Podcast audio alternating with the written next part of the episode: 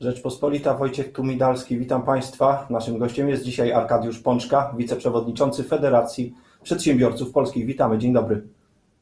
Dzień dobry, witam Państwa serdecznie.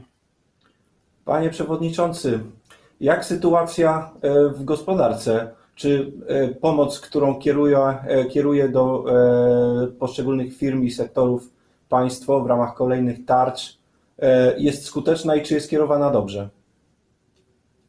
Znaczy, odpowiadając na pierwszą część pytania co do sytuacji w gospodarce, no to jest bardzo trudna, trudna odpowiedź. Z jednej strony widzimy dane na przykład o bezrobociu, czy e, inne dane makroekonomiczne, ale z drugiej strony musimy pamiętać o tych branżach, które są nadal zamknięte i które w dłuższej perspektywie, tu jestem niestety pesymistą, e, będą też zamknięte. Więc ta odpowiedź na jak sytuacja w gospodarce, ona w zależności od, można powiedzieć, branży czy, czy sektora gospodarki, bo też trzeba sobie jasno powiedzieć, że są branże, które na tej pandemii zyskują. E, I to nie jest oczywiście dla nich e, e, pewnie z mojej strony jakiś zarzut, natomiast bardziej patrzymy na te sektory, które z różnych względów zostały być może pominięte w tym dofinansowaniu, o którym wspomniał pan redaktor, bądź które z jakichś powodów nie zaopały się na to dofinansowanie, a to z powodów być może czy to proceduralnych, czy technicznych, czy też związanych z ich przedmiotem działalności. E, skupmy się może właśnie na tym, panie przewodniczący. Jeśli można, to skupmy się właśnie na tych kwestiach proceduralnych. Jesteśmy w programie prawnym. Czy zabrakło wyobraźni, czy to jest, e, czy, czy to jest działanie jakby celowe, obliczone na taki efekt, że cóż, e, pomagamy jednym branżom, ale wszystkim nie możemy, więc musimy wybrać którym? Z pewnością ograniczenia budżetowe tutaj mają znaczenie, ale też nie doszukiwałbym się takiej tezy, że rządzący przyjęli na przykład rozwiązania związane z kodami PKD, bo jak wiemy doskonale wszyscy, pomoc jest uzależniona od e, starczy PFR-owskiej 2.0, od tych e, kodów, które są wymienione w rozporządzeniu. One. To dobre rozwiązanie? Ja, tylko, ja mam duże wątpliwości z tym. Praktyka pokazuje, że to nie do końca jest dobre rozwiązanie. Są case'y, widzimy to po ilości pism, które także wpływają do naszych, e, naszej organizacji, pytań, że przez tyle lat firma na przykład no, z różnych względów miała wpisane określone kody, ale realia biznesowe, praktyka biznesowa spowodowały, że prowadziła działalność troszeczkę w innym zakresie. Okazuje się teraz po, nie wiem, 4-5 latach, że jak jest przewidziana pomoc e, starczy PFR-owskiej 2.0, to okazuje się nagle, że firma prowadzi działalność, a nie ma w CDG czy w KRS-ie tego kodu, który dzisiaj jest uprawniony do, do wsparcia starczy. Na szczęście z wniosku rzecznika małych i średnich przedsiębiorców nie ma tego kodu już dominującego, no to była zmiana zasadnicza, ale dzisiaj można powiedzieć, jest taka dyskusja, też my ją toczymy, czy nie przyjąć tylko i wyłącznie, o tym też wspomniał e, już e, na spotkaniu z e, wicepremierem Gowinem Mr. Abramowicz, czy nie przyjąć kwestii spadku przychodów, a trochę zejść z ograniczenia po kodach PKD. To jest oczywiście bardzo duża, duży problem, bo to kwestia, tak jak powiedziałem, na pewno kwestie budżetowe mają to bardzo znaczenie. Pamiętajmy, że tarcza PFR-owska 2.0 ma środków na pomoc mikroprzedsiębiorcom około 6,5 miliarda i też tym ma, małym i średnim podobną kwotę. Jeszcze nie mamy decyzji co do tarczy pomocy z tarczy 2.0 dla dużych firm, czekamy na tutaj e, zgodę i notyfikację z Komisji e, Europejskiej. Natomiast e, mm, ja mam duże obawy o to, czy te kody PKD nie były trochę barierą dla niektórych przedsiębiorców, a widzimy po wnioskach i być może będziemy też widzieć po odwołaniach, po tych procedurach sądowych, o których też Państwo piszą, E, o tym, że no, to rozwiązanie było troszeczkę dyskryminujące niektóre podmioty. Duża część e, nie była tego w, e, w stanie spełnić, ale to wynikało z czystej praktyki. Po prostu kiedyś prowadząc biznes, przerzucili się na inny rodzaj działalności, nie aktualizując KRS-u, CIDG. Panie Przewodniczący, jak w tej chwili mają sobie radzić firmy, które mogą twierdzić, że są dyskryminowane przez, przez system, tak? E, jakie mają środki prawne, z jakich możliwości mogą korzystać? Znaczy, z jednej strony to na pewno jest procedura odwoławcza, bo pamiętajmy też, że sam PFR zachęcał do składania wniosków e, w procedurze odwoławczej. Tam mieliśmy problem na początku z algorytmem, odrzucał te wnioski, gdzie, gdzie jeszcze obowiązywał ten kod dominujący. A wiem, że część duża bardzo przedsiębiorców e, poprawiała te wnioski przez swoje rachunki bankowe i wypełniała na nowo jest procedura odwoławcza i postępowania wyjaśniające PFR-u. Ja jestem zawsze z, e, zwolennikiem tego, aby działać zgodnie z tymi jeszcze możliwościami, które, o których mówi regulamin e, e, uzyskiwania subwencji z PFR-u jest, zaczyna się być dyskusja już e, i, i, oczywiście wróć, też myślę o tym, czy, czy, czy, czy, czy tutaj e, kwestie budżetowe nam na to pozwolą. Dyskusja o tym być może zrezygnowania z kodów PKD.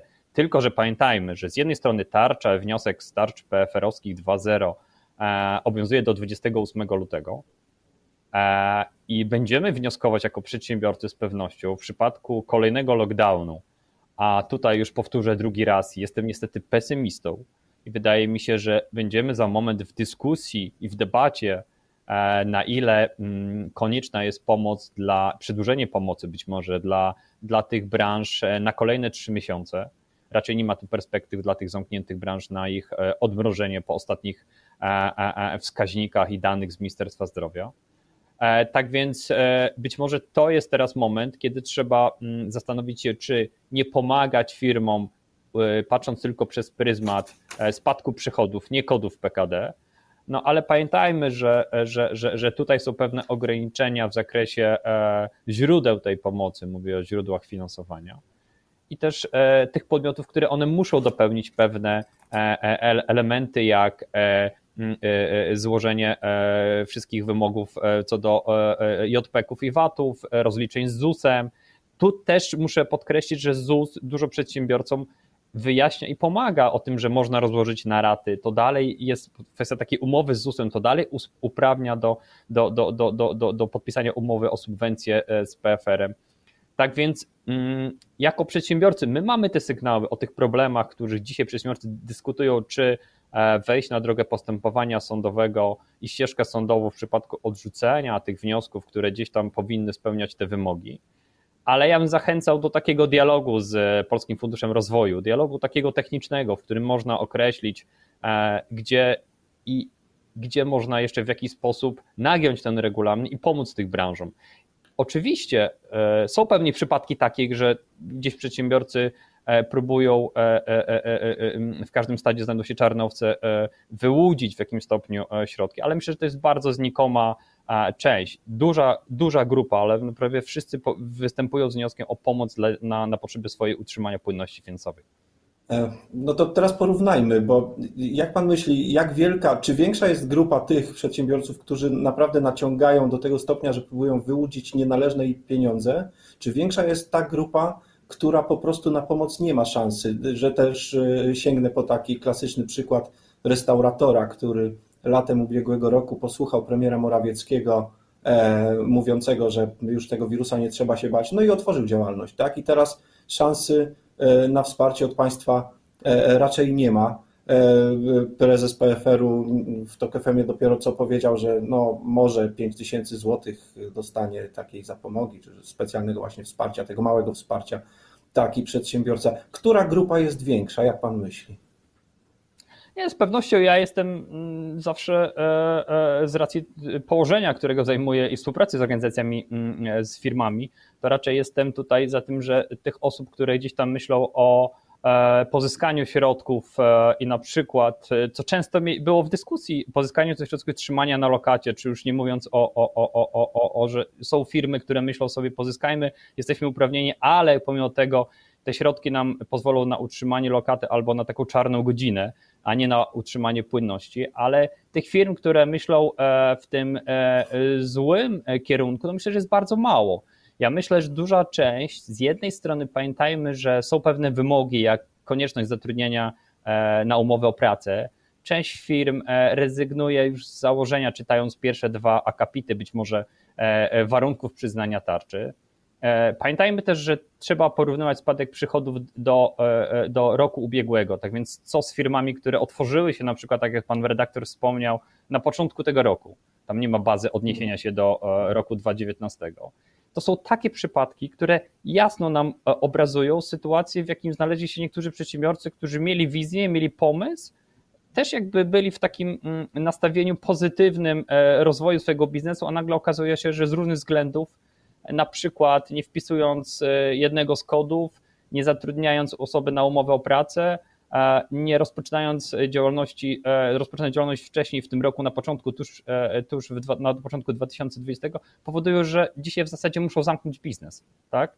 Mówimy o sytuacjach, które są naprawdę dramatyczne jak pokazują dane, w tej słynnej już branży gastronomicznej, zamątą się okazać że 30% ponad 30% e, firm z tej branży jest, e, będzie zamknięta, jest już na skraju upadłości. I to jest, e, to jest bardzo mm, mocny argument w dyskusji, jak pomagać i czy pomagać.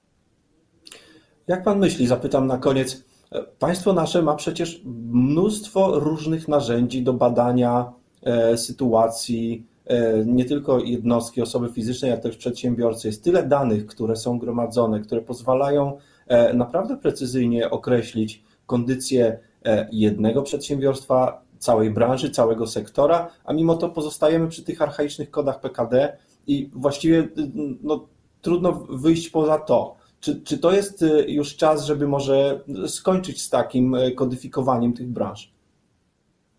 Bardzo dobre pytanie. My też, e, ja powiem szczerze, dyskutowaliśmy o tym, że jesteśmy w momencie, wie pan, sztucznej inteligencji, chmur, wszystkich tych e, rozwiązań cyfrowych, których gdzieś no tam sama administracja komunikuje, że będzie wdrażała, a z drugiej strony, co do tego, czego przychodzi, to zwykły przedsiębiorca, czytając warunki przyznania dotacji, odpala swój segregator i patrzy, czy ma w 5 lat wcześniej jakiś kod PKD wpisał, bo to go uprawnia do, mówiąc kolokwialnie, kluczowej decyzji uratowania firmy i odzyskania subwencji to jest z pewnością, e, ten case nam pokazał, że e, z jednej strony te nieśmiertelne kody PKD, z których część przedsiębiorców wpisywała szeroko, no bo jak się tworzyło biznes, to wpiszmy 60 kodów PKD, a, a nóż się jakiś przyda, a z drugiej strony była część firm, które w ogóle na to nie zwracało uwagi, bo liczył się pomysł, liczył się biznes, przychód, e, e, e, działalność, utrzymanie się na tym rynku i, i, i na przykład bieżąca działalność finansowa. Tak więc to jest z pewnością temat taki, że powinniśmy od tego jak najbardziej odejść, w jakim stopniu w zakresie mm, na przykład e, e, utrzymania działalności finansowej i, i pozyskania e, tej, tej, tej płynności. Bo niestety, tak jak powiedziałem, wydaje mi się, że dzisiaj będziemy za moment w dyskusji kolejnej, jak dalej pomagać tym branżom na kolejne trzy miesiące. I wszyscy dojdą do wniosku, że kody PGD nie są jedynym rozwiązaniem wyznacznikiem tego, aby pomagać firmom, tylko trzeba przyjąć inne wskaźniki, które będą bardziej elastyczne, a jednocześnie uratują miejsca pracy, bo będziemy bardzo długo podnosić się z tej pandemii gospodarczej, a, a, a w, zwłaszcza w tych branżach, które dzisiaj nadal są zamrożone. Dziękuję za rozmowę i spotkanie. Arkadiusz Pączka, wiceprzewodniczący Federacji Przedsiębiorców Polskich, był dzisiaj naszym gościem. Wojciech Tumidalski. Dziękuję bardzo. Do zobaczenia. Kłaniam się. Do zobaczenia.